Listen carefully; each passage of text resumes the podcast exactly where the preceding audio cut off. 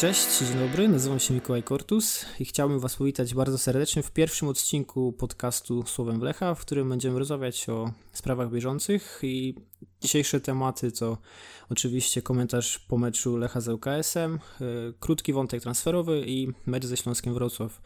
Moim współrozmówcą będzie Jakub Adamski. Serdecznie pragnę powitać wszystkich słuchaczy zgromadzonych przed internetodbiornikami. I zaczniemy oczywiście od e, meczu z ŁKS-em. E, jak Ci się podobał nowy Lech Żurawia w tym meczu?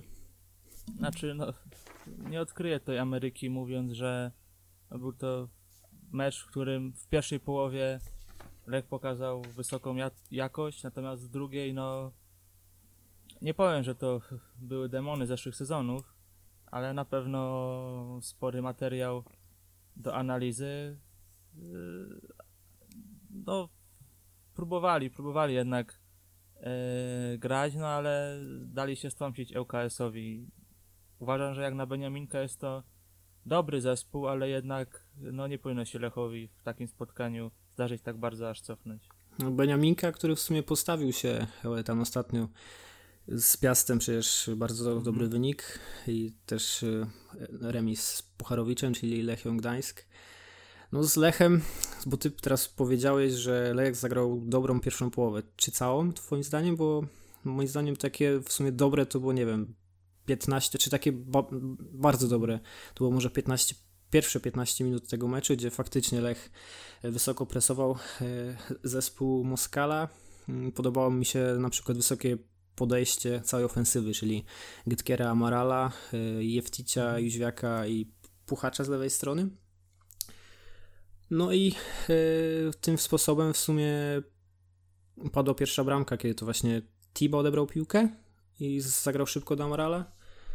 I później właśnie po tych 15 minutach mi zaczęło tego brakować w sumie, bo, bo LKS zaczął dochodzić do głosu, zaczął grać wyżej. No i też, nie, też w sumie nie podobała mi się ta niekonsekwencja Lecha w budowaniu akcji od tyłu, bo tak Lech przyzwyczaił, zwłaszcza z Wisłą Płock, kiedy praktycznie każda akcja bo się rozpoczynała od Vanderharta i to właśnie zagrywał albo do gumnego na prawo, albo do, do lewego e, obrońcy, gdzie był Kostewicz na przykład, czy też e, piłkę wyprowadzali środkowi obrońcy. A tutaj tego moim zdaniem zabrakło i i na przykład takie dłuższe podania typowo na stratę, no, nie było to za ciekawe. Zwłaszcza tak po tej 15 minucie, gdzie faktycznie Lech prowadził, ale to tak jakby oddał w meczu to, tą całą inicjatywę i no ŁKS miał swoje szanse, aż w końcu strzelił tą swoją pierwszą ramkę, nie? Znaczy, powiem tak, no ten Żuraw to przyznał też na konferencji pomeczowej, że był plan, żeby wysokim pressingiem wyjść od początku, później przejść na średni. I no było to widać. To że, też słyszałem, no to no. Mhm. Tak, że było to widać, że Lech no, nie siedział na rywalu całą połowę, ale mimo wszystko ŁKS też był groźny. Był ten stracony gol e, no, po takim jednym z nielicznych błędów e, Harta.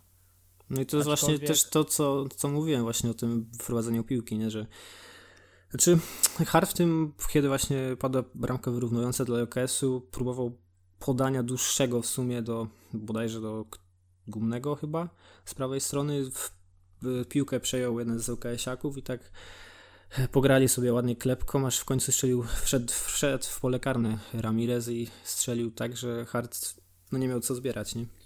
Znaczy, tam była tak naprawdę. Zaczęło się od harta, tak? Ale obrona też się nie popisała jakoś szczególnie. Obrona, ale też moim zdaniem Tiba, bo nie wiem, czy zauważyłeś taki w sumie moment, że, że on był e, przy zawodniku ŁKS, ale stanął, popatrzył na niego, a ten sobie wbiegł prosto w pole karne, wyłożył piłkę Ramir temu Ramirezowi i już było po wszystkim. Zauważyłeś to, czy nie? Że ogólnie chciałem powiedzieć, że obrona w sensie postawa defensywna zespołu. E, znaczy ja bym tam jednak mimo wszystko okej, okay, no Tiba jest środkowym pomocnikiem, e, lepiej gra na ósemce, jest na szóstce, ale jednak no można było niego oczekiwać, że, że odbierze piłkę. E, jednak ja tam główną, główną winę upatruję, już pomijając to zagranie Harta, ale w późniejszej fazie Gumny niestety zbyt wolno wrócił i, No to też prawda. i nie był w stanie zablokować już tego strzału. No też był taki strzał, wiadomo, no wejdzie jeden, jeden na, na 10, było to zmieszczone idealnie, zresztą tak samo jak No, Ra. Ramirezowi 5 na 10. E, mimo wszystko myślę, że to jednak też bym nie powiedział, że to była jakaś super długa piłka, że to nie było jednak wybicie. E, Było to rozegranie na bok. e, Ale górą, nie? No jednak. tak, no ja trudno, nie wiem tak naprawdę co chciał Hart zrobić, czy po prostu źle trafił, czy e, czy planował zagrać e, tak, czy po prostu poniósł za bardzo, za bardzo się odchylił i, i poniósł tę piłkę. E, Na pewno na pewno później jakoś po tym właśnie błędzie zauważyłem, że Lech do końca już połowy no wycofał się z tego, jednak były takie bardziej, bardziej bezpieczne zagrania, bo pamiętam, że nawet na początku to dwójka zawodników ŁKS-u atakowała, a Hart sobie z obrońcami klepał między napastnikami. No tak, no tak, tak, tak. Bez- tak, tak zresztą obaw. było w meczu z Wisłą Płock, że praktycznie kiedy rozpoczynali akcję od tyłu, no to nie szła długa piłka, jak to robił, nie wiem, Putnocki albo Buric w, w zeszłym sezonie, tylko właśnie ten, próba rozegrania do, do boku albo do obrońców środkowych, którzy właśnie później szukali albo e, Tiby, który, znaczy w, w sumie też e, sam Tiba schodził do, do, do obrońców w, meczu z Wisłą Płock, e, w meczu z ŁKS-em jego rolę przejął Muchar, i też y, grali w pewnym momencie Lechici trzema obrońcami. I gdzie właśnie Muchar był odpowiedzialny za wprowadzenie tej piłki od y, defensywy bardziej do w stronę Tiby i, no i tam już y, szła akcja y, albo na skrzydło, albo też próba szukania Gytkera. No i właśnie jeszcze, jak już przy Tibie jesteśmy, bo no, trochę go, znaczy to był to taki w sumie jeden minus jego występu z ŁKS-em, czyli ten, znaczy moim zdaniem minus, bo bo jednak tam mógł zrobić coś więcej, no ale jednak w całym meczu Tiba to zagrał tak, jak chyba wszyscy od niego oczekują w Poznaniu, nie? No. Czyli w, praktycznie widział wszystko, był, był wszędzie, zagrywał takie piłki, że Amaral w, bodajże w pierwszej połowie już mógł mieć trzy bramki, dwie albo trzy nawet. Trudno się nie zgodzić. No, Tiba jest e, w bardzo dobrej formie, no i widać, że to jest taki prawdziwy boiskowy, boiskowy lider, który powiedzmy ma jakąś kontrolę tak naprawdę nad grą, grą Lecha i wiele od niego zależy, jak tam to tempo podyktuje i co zrobi w środku pola.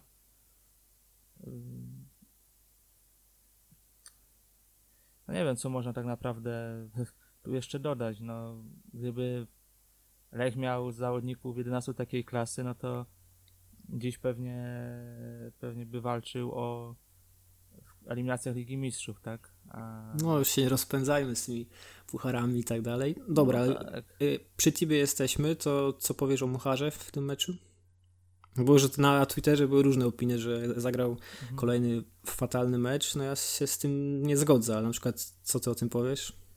No ja Muchara oceniam przeciętnie, bo faktycznie nie radził sobie tam najgorzej, jeśli chodzi o statystyki, ale też no dużo tych piłek przechodziło. No wydaje mi się, że parę razy mógł lepiej się ustawić, lepiej e, lepiej przechwycić. No i tego mi trochę brakowało. Jednak no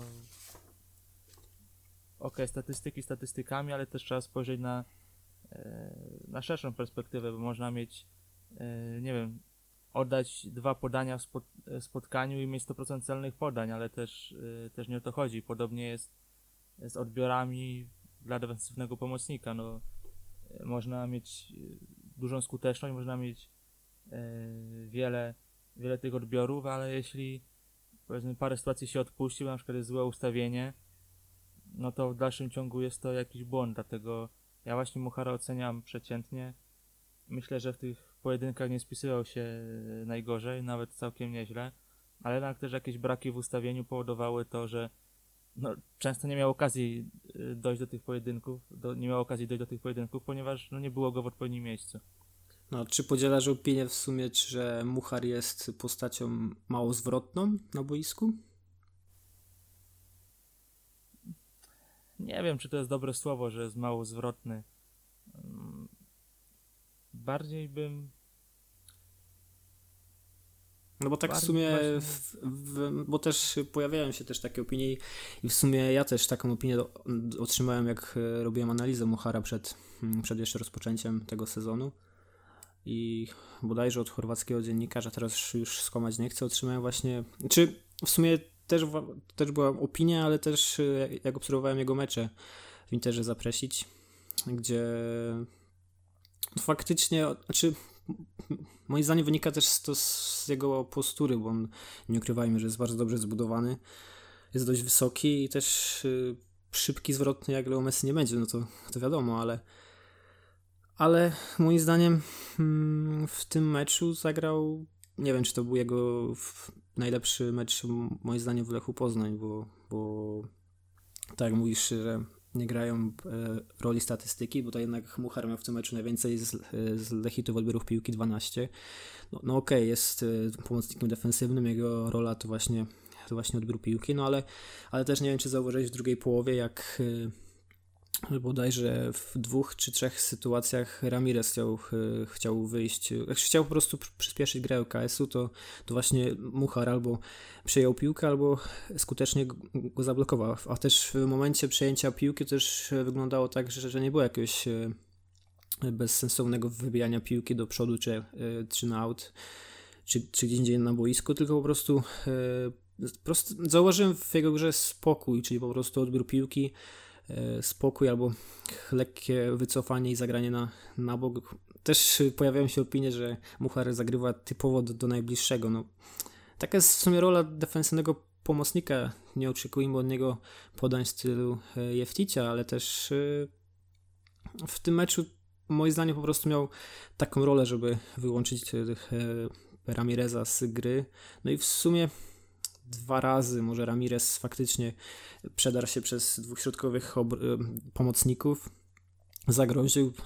Nie wiem, czy kojarzy jego rajd chyba w pierwszej połowie jeszcze, co chyba czterech zawodników minął i wyłożył piłkę Kujawie, który no, nie do końca dobrze uderzył, piłka y, uderzyła w boczną siatkę i później chyba jeszcze raz w drugiej połowie, co też, też oddał strzał taki hmm, prosto w Wanderharta.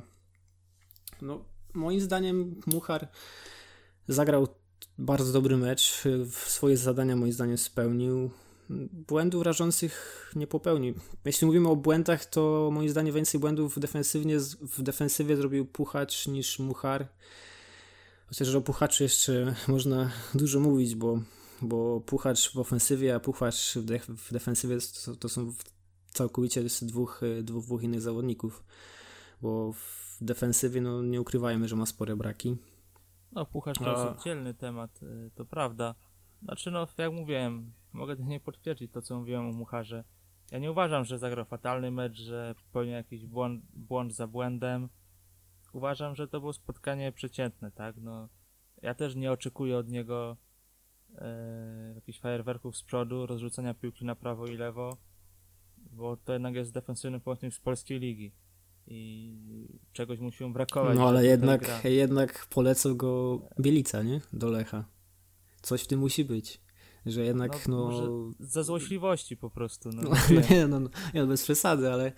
Znaczy, no okej, okay, no jest to piłkarz, który na pewno do Dynama Zagrzeb się nie nadawał i do walki może w Lidze Mistrzów, czy tam w, o wyższe cele, no to nie jest taki piłkarz typ, typowo do pierwszego składu, ale tak już na Polską Ligę wystarcza i jeśli mielibyśmy go porównywać z Trałką z poprzedniego sezonu, to nie wiem, czy wolisz y, Muchara czy Trałkę w, w, w Lechu na tej pozycji?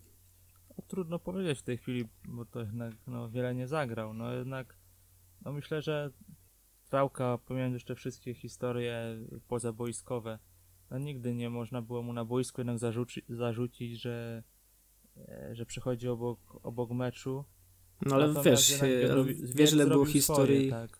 wiesz ile było historii y, z jego, znaczy z tym, co teoretycznie miał, miał robić w szatni, jak to w szatni miało wszystko, nie wiem, czy być, jakby to powiedzieć, hmm, może Lech zaczął się od tego, że Trauka zaczął niszczyć szatnie, ale to już, to już nie jest temat w sumie na ten odcinek.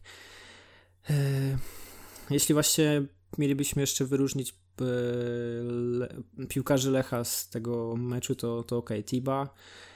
E, moim zdaniem Muchar może się z tym nie zgodzić i Jeftić za tą przepiękną bramkę z, Nie z pierwszej piłki. Ja, ja bym wyróżnił Jefticia, też Tibę przede wszystkim, tak, później Jefticia. Bramka bramką, ale powiem tak, w drugiej połowie zgasł, no ale cały zespół się wycofał, więc to trudno było wtedy oczekiwać, e, żeby jeden Jeftić rozklepywał tam e, obronę, obronę rajdami od własnej, od własnej połowy. Nie, no to, E, mhm. więc nie był, może nie był to jakiś wybitny mecz Jefticia, ale jednak, jednak myślę, że pokazał się z dobrej strony, tak? No zrobił to, to co do niego należy. Parę fajnych piłek posłał, widać, widać było tą jego e, inteligencję taką boiskową, było widać, że że no potrafi się obejrzeć i, i dobrze podać, zrozu- rozumie tę sytuację, e, jaka jest na boisku. E, Jednak ja Muchara bym zamienił na Amarala. To też to też nie był jakiś jego super mecz, ale Bramkę zdobył, czyli swoje zrobił, nie? tak, bramkę zdobył, zmarnował potem jeszcze świetną okazję, ale jednak e, jednak może nie był widoczny przez całe spotkanie. No tylko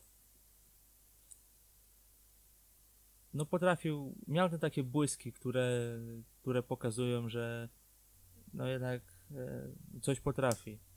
I moim zdaniem na skrzydle spisał się o wiele lepiej niż e, w pierwszym meczu w ataku i też na przykład no przyjdźmy mi Jóźwiaka, który z Płockiem zagrał bardzo dobrze, a, a z ŁKS-em no, był, e, Mało no, był zdecydowanie w cieniu Amarala. No, tak jak zresztą Christian Gytkier, który moim zdaniem, czy teoretycznie Gytkier w tym meczu to, co miał zrobić, to wykonał, bo nie wiem, takie dwie, trzy sytuacje, chyba dwie.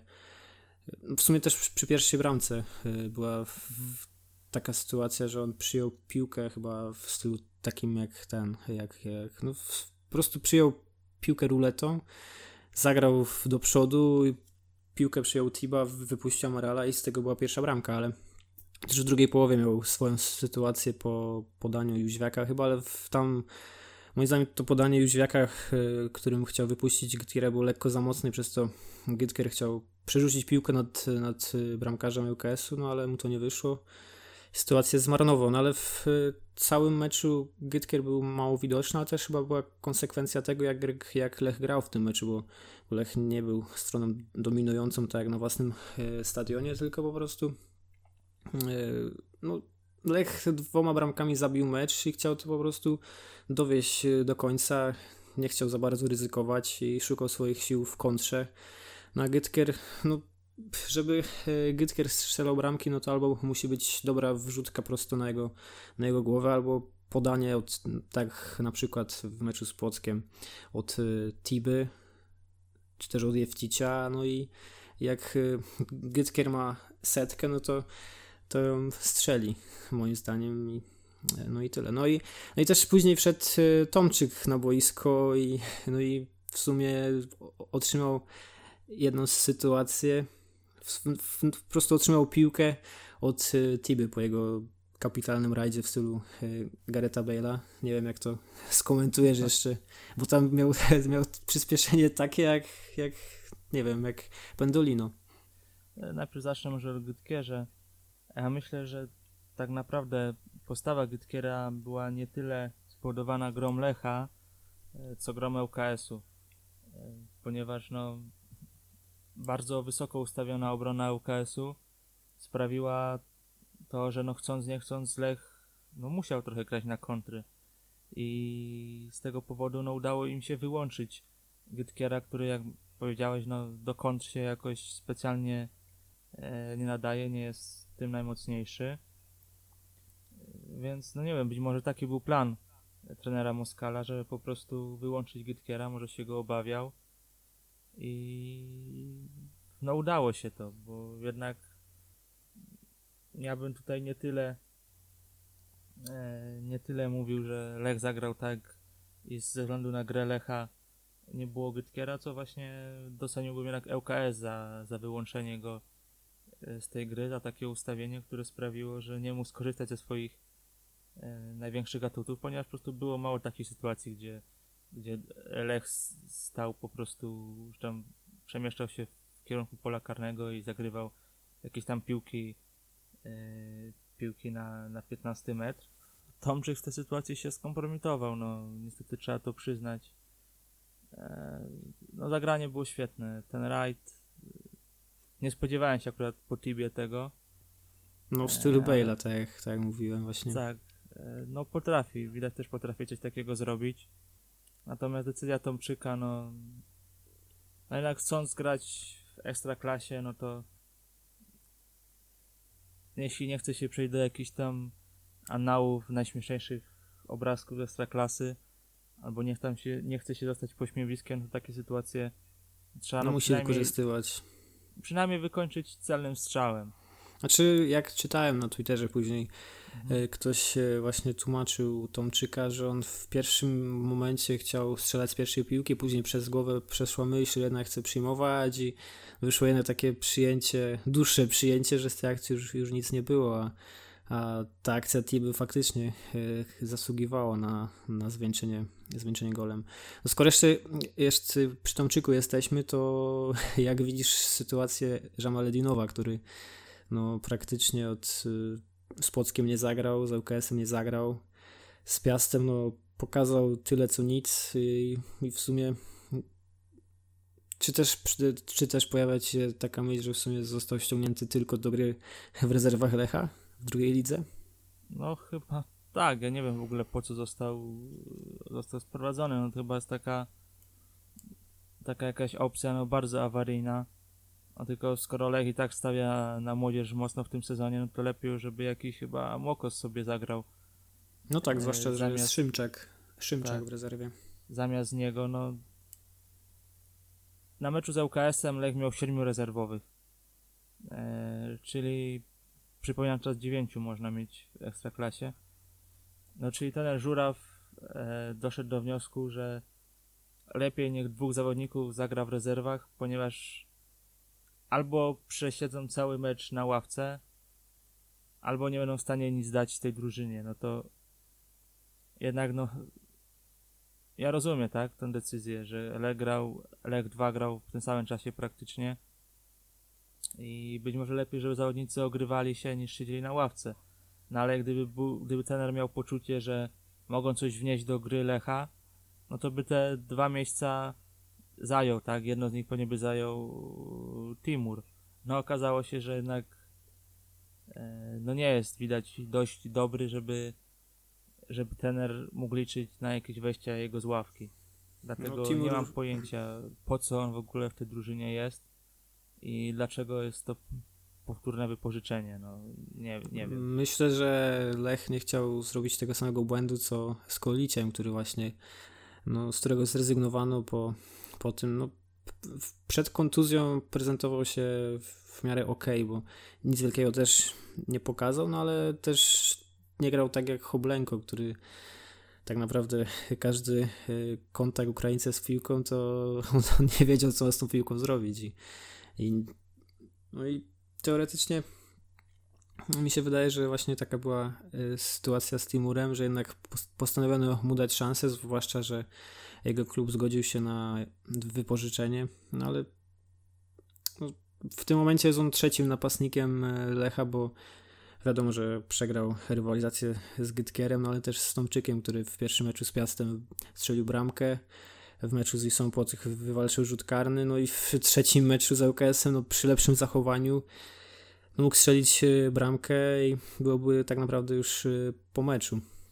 A wracając jeszcze do, do no tak, co jeszcze masz do powiedzenia w tej sprawie? E, no powiem tak, jeśli chodzi, zgadzam się, że być może była taka obawa, że wypuszczą jakiś tam e, diamencik. No tyle, że faktycznie mnie się Kolić przed tą kontuzją podobał. Pokazywał coś. E, nie dostał dużo szans, ale jakiś tak widziałem, że że ma jakiś ten taki ciąg na bramkę, że coś potrafi. Natomiast Jamal Edinow nie była sytuacja, że nagle wypadł y, na pracy na pół sezonu i przesiedział y, w Rechasporcie to wypożyczenie. No tylko miał pół godziny, pół, przepraszam, pół sezonu na pokazanie swoich umiejętności za bardzo ich nie pokazał. Też są takie informacje, że siedzi ciągle sam, nie zna języka, nie, nie integruje się, więc no w żaden sposób jakby trudno obronić w żaden sposób nie potrafię znaleźć jakichś argumentów, które przemawiałyby za tym, e, żeby dać mu szansę. A te argumenty widziałem w przypadku, w przypadku Kojlicia. No okej. Okay. No to może zakończmy teraz y, temat właśnie y, Jamalinowa, jeszcze wracając do, do ŁKS-u. Y, był wyróżniającą się postacią Dani Ramirez, Chociaż w poprzednich dwóch, chociaż w dwóch poprzednich meczach moim zdaniem zagrażał mocniej i też właśnie tu zasługa Muchara, że no wyłączył, znaczy może nie wyłączył go z gry na tyle, żeby nic nie zrobił, no ale jednak gra UKS-u w drugiej połowie, no to moim zdaniem Lech był bardziej mm, konkretniejszy, bo to właśnie Gytkier miał jedną sytuację. Później prze, przecież jeszcze Jeftić też, też uderzał w, w polu karnym, to bodajże Sobociński wybił piłkę zmierzającą do bramki.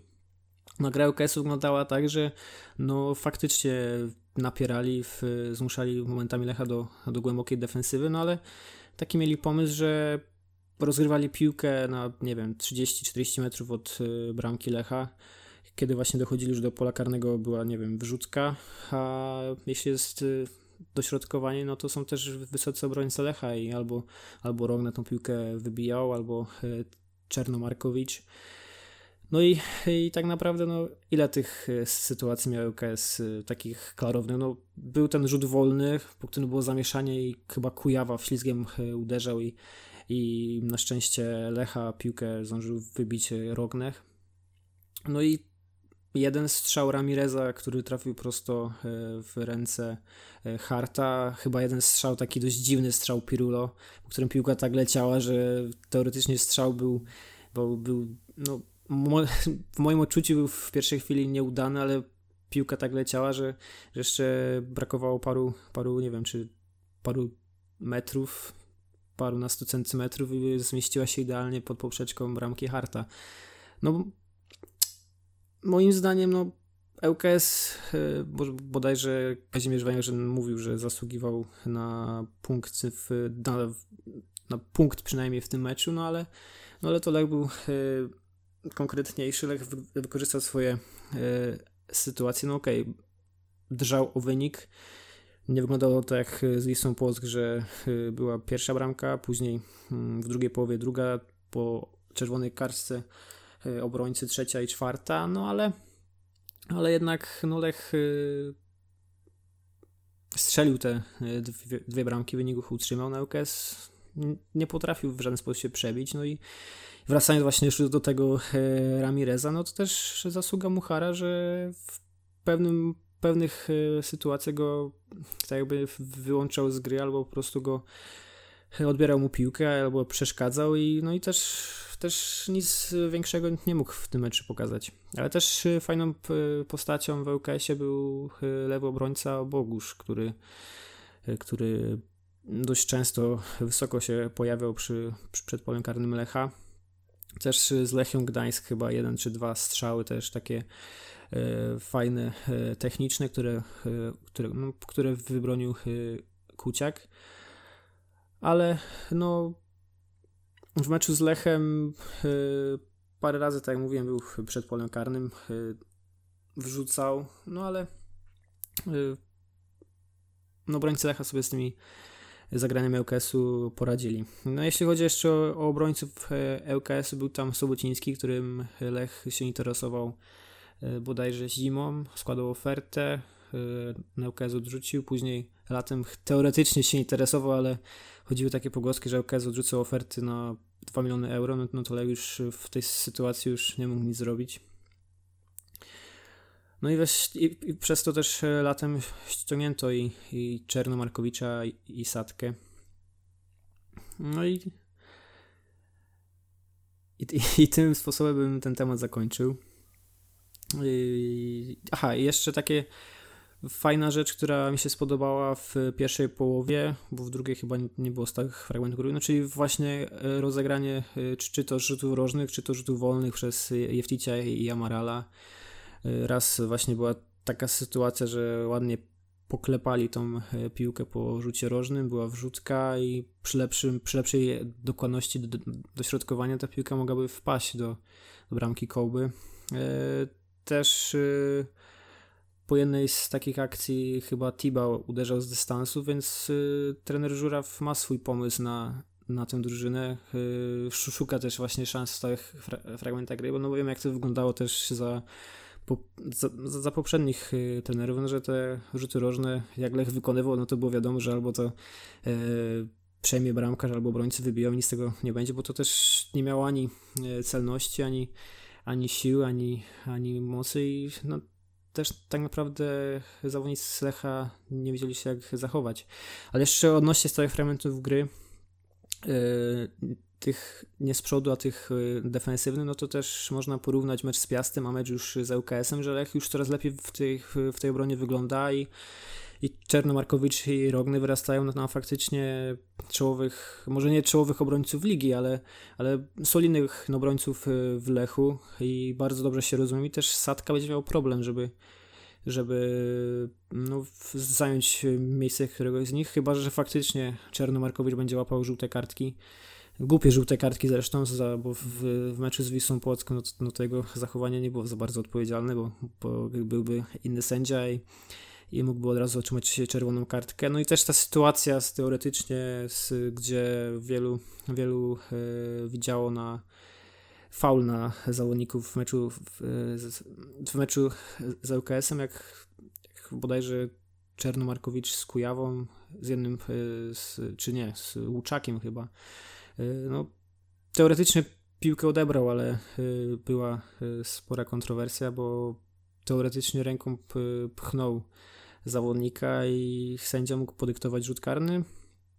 No i właśnie w takich sytuacjach bym upatrywał szans dla Sadki, że albo, albo Czernomarkowicz będzie pauzował, albo właśnie też popełni jakiś większy błąd i, i w jego miejsce wskoczy Sadka, chociaż nie ukrywam, że bardzo chciałbym zobaczyć grę nie duetu Rogne Czernomarkowicz, tylko właśnie czy czy Rogne Sadka, tylko właśnie Czernomar Czernomarkowicz i Sadka, bo, bo jak analizowałem jej grę, to, to Sadka ok, jest, y, jest piłkarzem lepszym technicznie, ale Czernomarkowicz też potrafi bardzo dobrze wyprowadzić piłkę i, i jeść, no i, i Czernomarkowicz moim zdaniem jest zawodnikiem lepszym technicznie od, od Rogne, bo Rogne no, nie popisuje się swoimi umiejętnościami y, technicznymi. No, coś tam poprawił się, jeśli chodzi o wyprowadzanie piłki w porównaniu z poprzednim sezonem.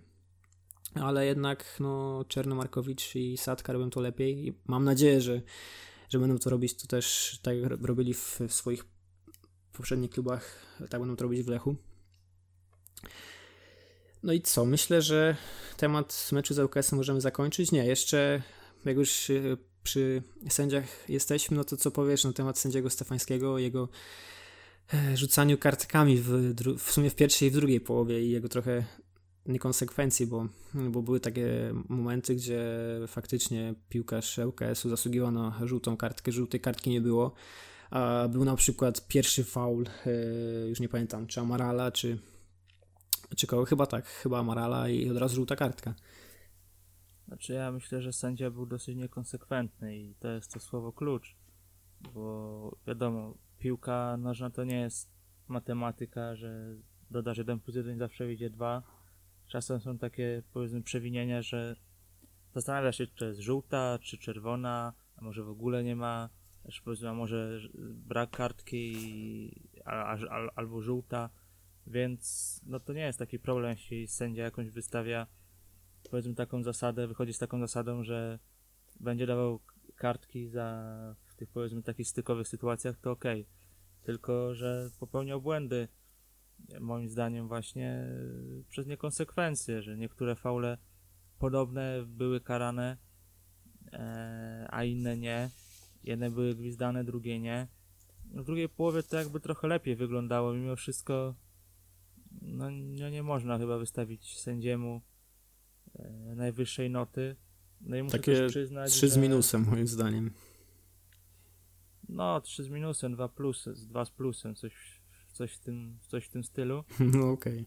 Natomiast jeśli chodzi o tą sytuację z tym niepodyktowanym karnym, no, no to też była taka kontrowersja. No ja muszę przyznać osobiście, że ja bym to gwiznął, bo jednak, okej, wybił piłkę, no ale wszedł, e, wszedł łokciem w plecy, tak? To nie jest gra bark w bark, gdzie można się przepychać i silniejszy wygra, no jednak jeśli zawodnik wchodzi łokciem plecy drugiego zawodnika, no to wydaje mi się, że to jest faul.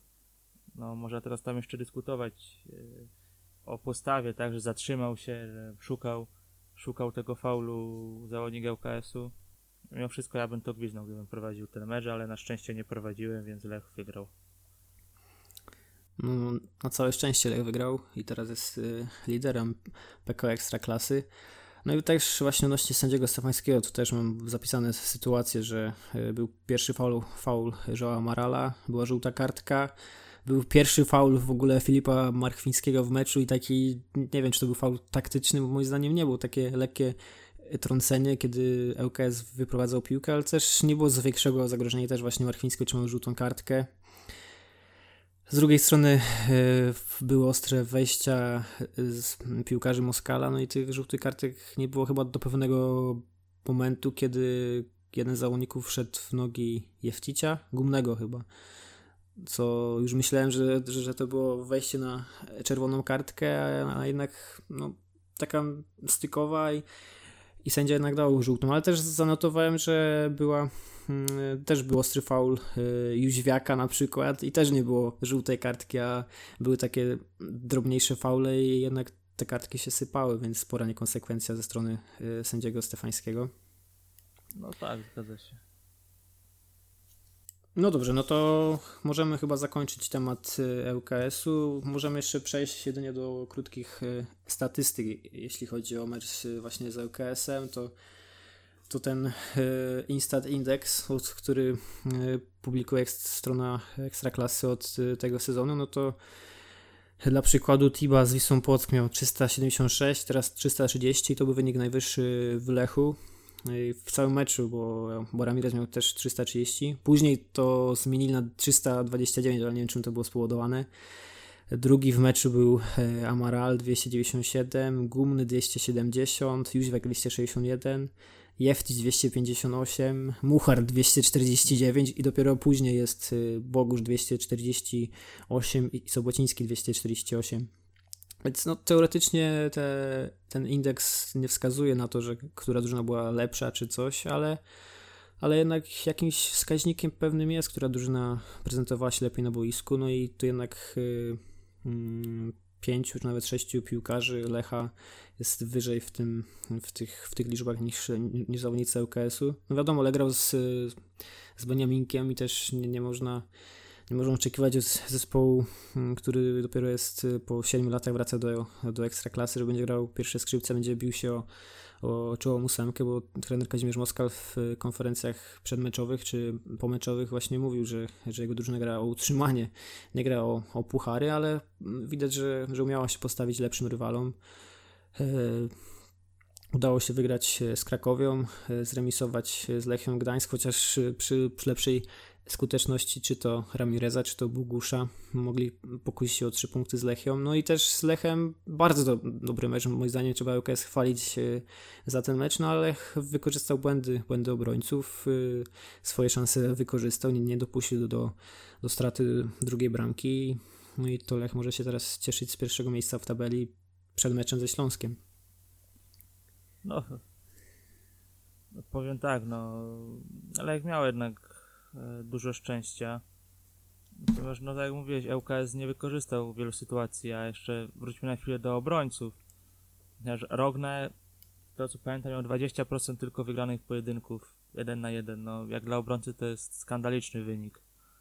Także to też nie było do końca tak, jak to wcześniej przedstawiłeś, że w sumie czyściliśmy wszystko i ŁKS nic nie zaprezentował, no bo jednak no wiele tych e, brakowało na pewno wykończenia, ale no nasza obrona no nie była monolitem, przez który nie, nie można było przejść. No ale wyglądało to lepiej niż, niż jak to było w meczu z Piastem Gliwice, kiedy to praktycznie każda, każdy, każdy rzut rożny to, to było bardzo gorąco w polu karnym Lecha i sam osobiście drżałem, żeby Lech nie tracił więcej sytuacji, no ale też przy lepszej wtedy skuteczności Parzyszka, no Lech tamten mecz mógł, mógł przegrać, no ale się udało, że zremisował.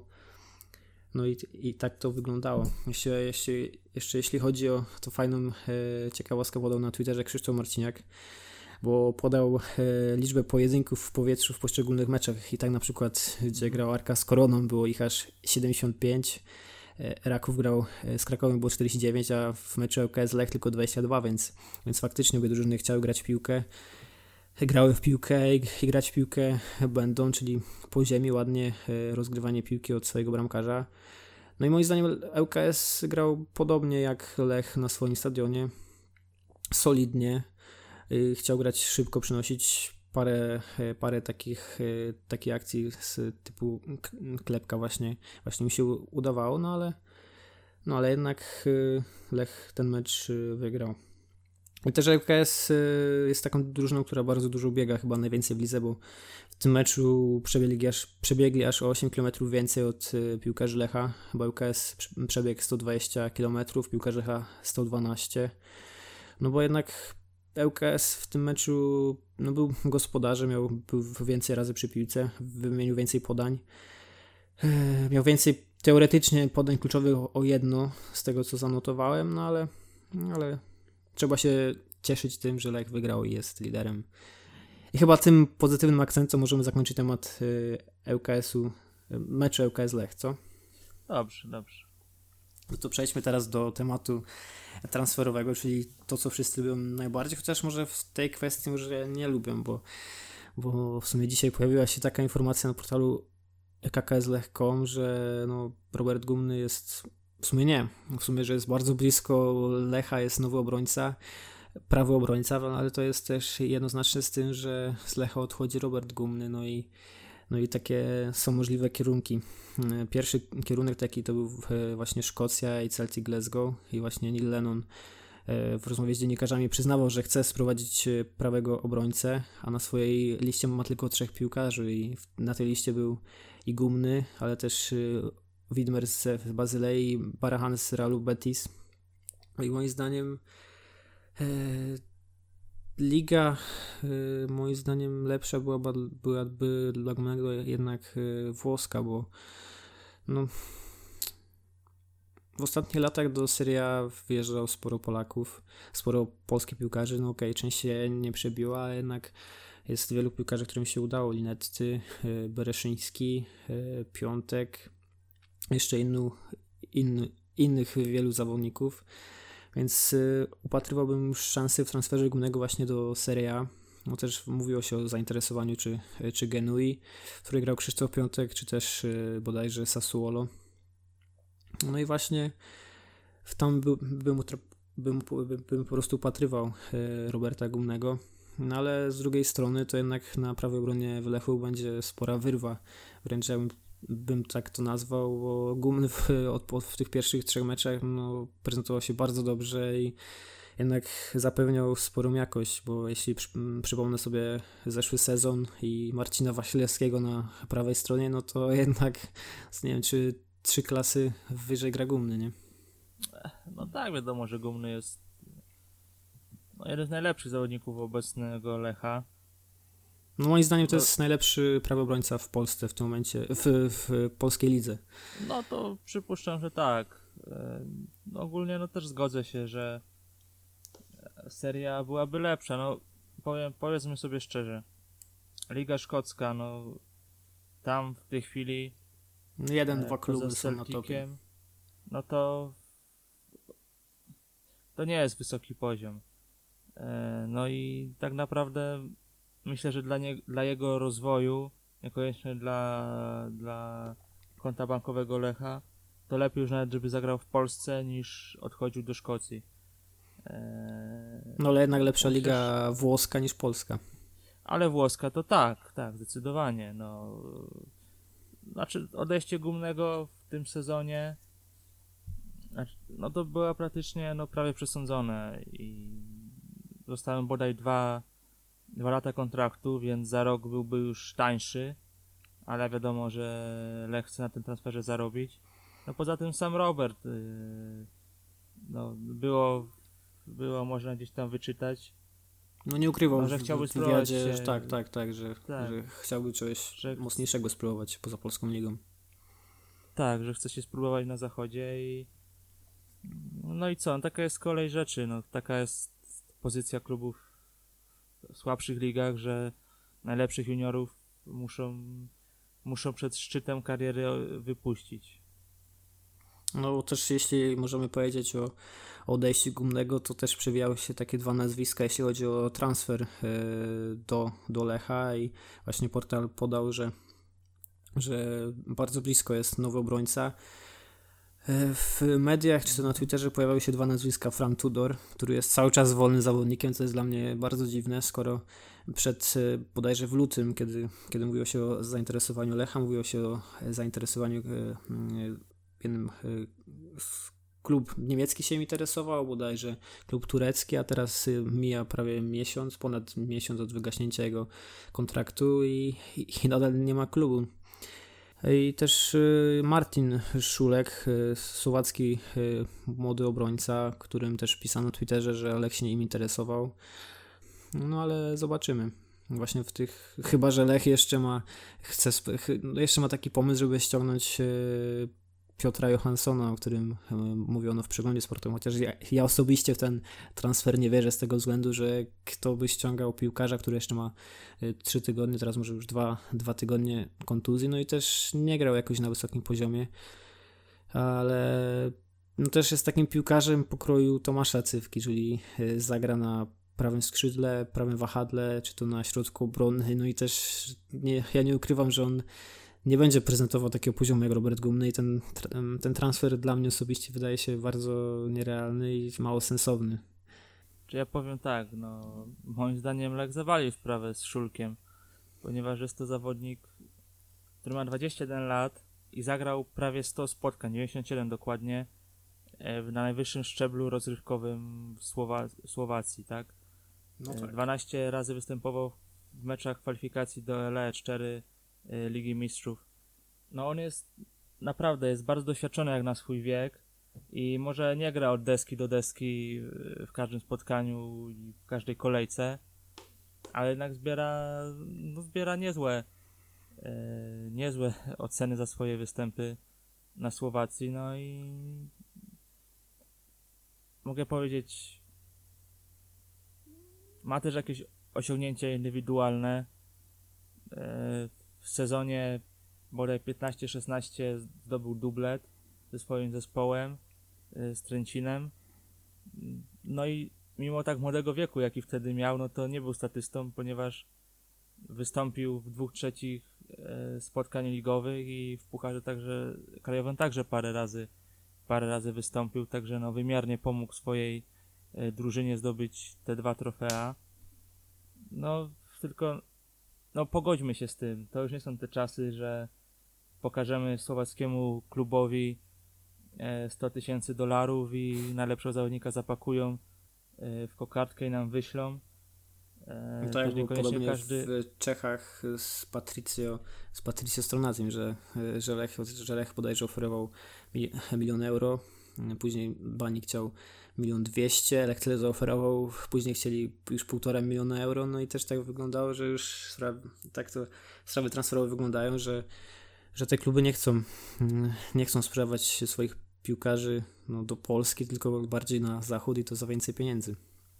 Znaczy, przede wszystkim, jeśli chodzi o Słowację, no to jest taki problem, znaczy problem, no dla nas to jest problem, ponieważ no kiedyś to był fajny rynek zbytu zawodników, bo można było było sobie ściągnąć praktycznie za grosze jakichś tam czołowych zawodników ligi. Tylko sytuacja jest taka, że może Polska Liga się nie cofa, ale stoi w miejscu, a wszystkie inne ligi idą do przodu i można powiedzieć, że Słowacja nas e, nas dogoniła także pod względem finansowym, pod względem organizacyjnym i no, nie zależy po prostu na tym, Słowakom nie muszą sprzedać do Polski swojego czołowego zawodnika e, praktycznie już na rozpoczęciu sezonu, tylko po to, żeby związać koniec z końcem i żeby nie wycofać się roz, z rozgrywek przed końcem sezonu. E, oni mają swoją kadrę, kadrę skompletowaną, więc przypuszczam, że Szulka nie będą chcieli puścić. A no, byłby to transfer e, dla Lecha ciekawy. Myślę, że mogliby na nim dobrze zarobić. No ale tak to się niestety kończy jak, jak się czeka. E, nie wiadomo na co, tak? Że może pójdzie gumny, może nie pójdzie. No, też by się świat nie zawalił, gdyby Lech miał w końcu dwóch no, e, prawych obrońców do rywalizacji. Tutaj też właśnie miałem pytanie przygotowane od razu, dlaczego Lech nie będzie miał dwóch prawych obrońców, bo to jest dla mnie no, trochę dziwne że klub, który walczy o mistrzostwo, no teoretycznie nie walczy o mistrzostwo Polski, bo wiemy jakie były, jakie mhm. były wypowiedzi władz Lecha na ten temat, no ale jednak z jednym, z jednym prawym obrońcą, no to tak ciężko, ciężko jest y, grać cały czas tak jak na, tak jak na przykład grał z Wisłą Płock.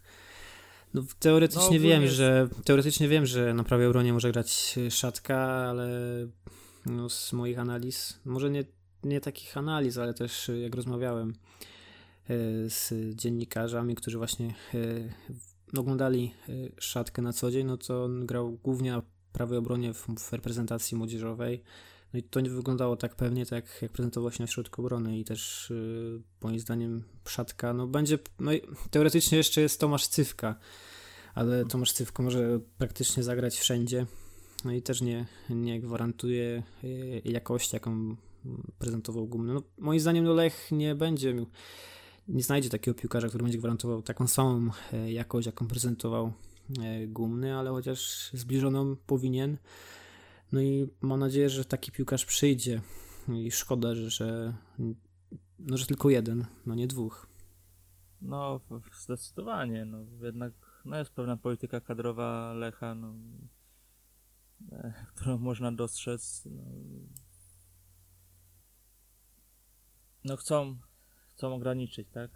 Te transfery, chcą dawać szansę młodym zawodnikom, no a jednak wiadomo, no jeśli trener miałby solidnego obcokrajowca e, na jakąś pozycję, no to dla własnego dobra, no wystawiłby raczej solidnego obcokrajowca, czy nawet solidnego Polaka, który jest powiedzmy starszym jakimś tam zawodnikiem, a tak powiedzmy w przypadku jakiejś kontuzji kartek, kiedy są te E, nie każda pozycja jest obsadzona, na każdej pozycji jest taka rywalizacja, no to jednak się przesuwają te miejsca i wtedy można, e, można tego młodego wystawić i no to jest taka w pewien sposób przemyślana moim zdaniem decyzja no właśnie w taki sposób, żeby to doprowadziło do sytuacji do większej, większego otwarcia jakichś tam przestrzeni dla młodych zawodników.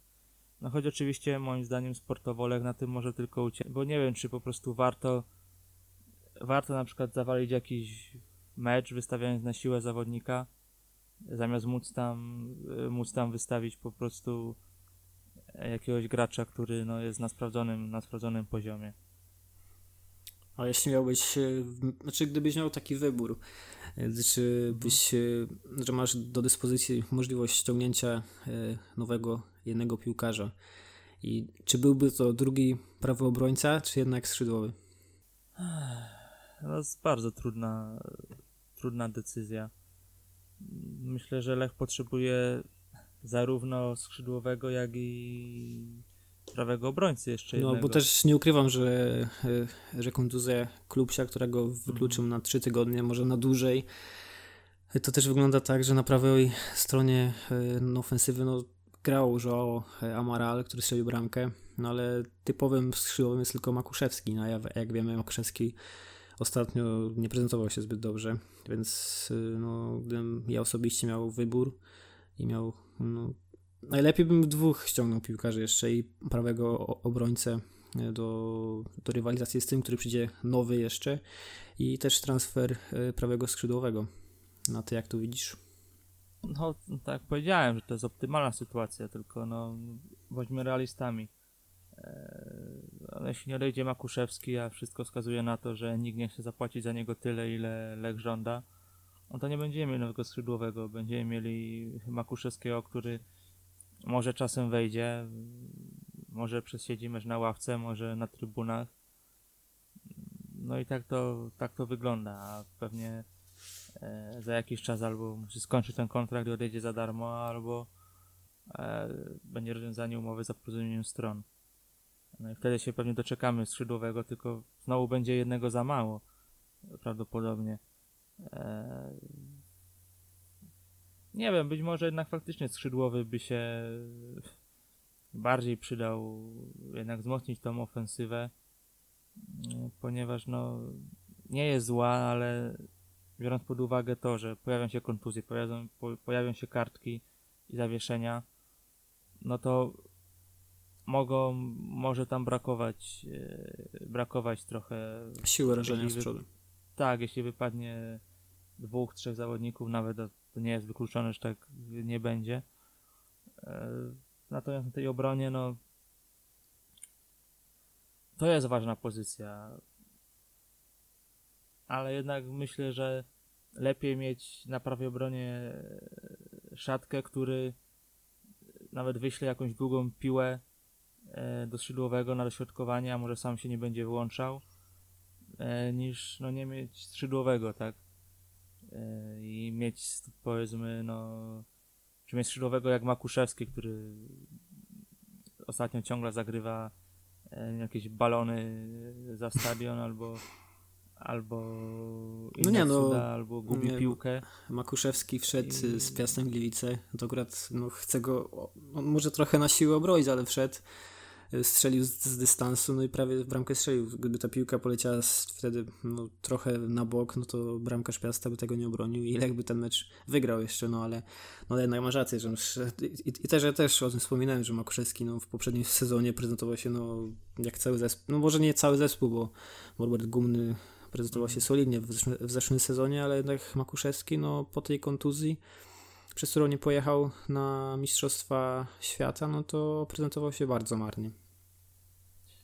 No, no zgadza się. No, Makuszewski no to jest e, no znaczny zjazd, znaczny zjazd, bo pamiętam po tej kontuzji wielu kibiców było załamanych, że taki zawodnik wypada, a teraz wielu zawodników, e, wielu kibiców, przepraszam, łapie się za głowę jak Makuszewski wchodzi, ponieważ no nie gwarantuje, nie gwarantuje jakości a wręcz przeciwnie, no sprawia jakieś takie no, poczucie, że zaraz coś tutaj może, może mu nie wyjść i coś zawali. E, okej, okay, no strzelał z piastem, no ale strzał w środek, tak? Gdyby był lepszym zawodnikiem, więc ja bym go nie bronił, właśnie ganiałbym za tą sytuację. Bo gdyby był lepszym zawodnikiem, to strzeliłby bardziej w bogi, by miał gola, ale trzy punkty. E, także no skrzydłowy myślę jest Lechowi, Lechowi potrzebny i nie tylko za Makuszewskiego, ale nawet w przypadku jeśli Makuszewski dalej zostanie w Poznaniu, no tylko no, są takie, na, takie nasze, czy tam moje życzenie, bo wiem, że to się nie stanie. No okej, okay, to tym sposobem możemy zakończyć nasz y, drugi temat i przejść już do tematu trzeciego, czyli mecz ze Śląskiem Wrocław, który już w najbliższy piątek no z tego, co, e, co widziałem na Twitterze, czy też na Facebooku, to no i też e, z tego, że tak wygrał z, z UKS-em. No zapowiada się całkiem przyzwoita frekwencja w Poznaniu, no w kibicach pojawiła się nowa fala optymizmu, bo Lech, no, no okej, okay, w zeszłym sezonie też wygrał cztery mecze z rzędu, no ale tam było widać, że, że tam jednak było spore szczęście i przy innych, przy innych e, drużynach to wtedy Lech mógł mieć nie 16 punktów, a, a mniej. Ale teraz jednak są, są trzy mecze, są dwa zwycięstwa, jeden remis, no ale jednak jest styl, jest walka do końca, jest, no, no moim zdaniem jakoś to wygląda. I jeśli chodzi o mecz ze Śląskiem, to powiem tak, yy, szczerze to przed rozpoczęciem meczu Śląsk, w sensie Legia Śląsk y, się obawiałem trochę o, o, o mecz Lecha ze Śląskiem, bo Śląsk fajnie, fajnie grał z Piastem, walczył do, do, ostatniej, do ostatniej chwili i to zwycięstwo e, wydarł. Ale jednak jak zobaczyłem ten Śląsk grający z Legią, no jednak na, na Łazienkowskiej, no, no nie zagrali tak jak, jak no, powiem tak, że w tym meczu Legia była drużyną lepszą, no trochę nagonki na, na Wukowicza jest, bo no, no okej, okay, bo na przykład w meczu e, z Kuopią, no tam Legia zagrała bardzo słabo, bo to Kuopio też było na poziomie, nie wiem, trzeciej polskiej ligi, ale tak e, nie, nie odchodząc od tematu Śląska, no Śląsk zagrał przeciętnie w tym meczu. E, no Legia hmm, grała, próbowała grać szybko, wymieniać podania, bardzo fajnie grał Lukinias, ale, ale Śląsk ma właśnie Putnockiego i to wydaje się, że Putnockiego takiego, który jednak jest w bardzo dobrej formie, bo już od trzech meczów prezentuje się, się dobrze, pewnie i dzięki niemu Śląsk y, y, był przez, przez chwilę w czubie tabeli. No i właśnie dobra organizacja gry w obronie to był mocny punkt. To po prostu było coś dobrego, co, co zawodnicy Lawiczki robili w meczu y, z Legią, to jednak w ofensywie to wyglądało gorzej, bo, bo moim zdaniem bardzo słabo zagrał Musonda, którego zresztą może kojarzysz y, w, z dwumeczu y, w Lidze Europy w zeszłym sezonie. Trafił właśnie do Śląska i szczerze powiedziawszy, po tym co pokazywał w meczach z Lechem Lidze Europy, spodziewałem się po nim czegoś, czegoś większego a jednak no, nie grał niczego wielkiego. Otrzymywał piłkę z przodu, próbował driblingu. Te jego pojedynki zazwyczaj kończyły się tak, że piłkę tracił i Legia miała, miała swoją szansę na, na kontrę, czy też budowanie akcji od tyłu.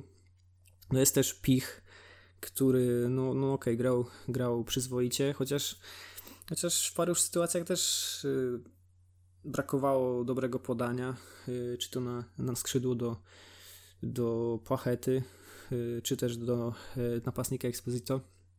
Też właśnie chciałem się zatrzymać przy, przy Płachecie, bo moim zdaniem to będzie jeden z kluczowych zawodników Śląska w tym sezonie i, i, i właśnie jego bym się bał w meczu z Lechem najbardziej, bo jest to bardzo przebojowy zawodnik, szybki, nie boi się wydawać pojedynki z zawodnikami z drużyny przeciwnej.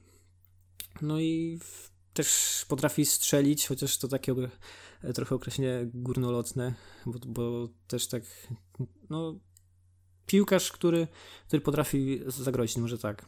No i jest Mączyńskie, ewentualnie nowy obrońca Stiglec. Trzeba coś powiedzieć o e, trenerze Śląska Lawiczce, który od początku 2019 roku jest, jest we Wrocławiu i ten Śląsk faktycznie skutecznie utrzymał w Ekstraklasie. E, notowali serię 6 zwycięstw z rzędu, no na, na Legii się zatrzymało, ale meczu nie przegrali, zremisowali. Były trener Sparty Praga, który przecież był też wybierany e, trenerem roku w Czechach, nominowany do, do osobowości e, roku w Czechach. No jego drużyny charakteryzują się tym, że bardzo mają dobrą, e, no, grają dobrze w, w obronie, dobra, dobra organizacja swojej gry. No i podejrzewam, że, że Śląsk w meczu z Lechem się nie otworzy, będzie, no, będzie grał defensywnie.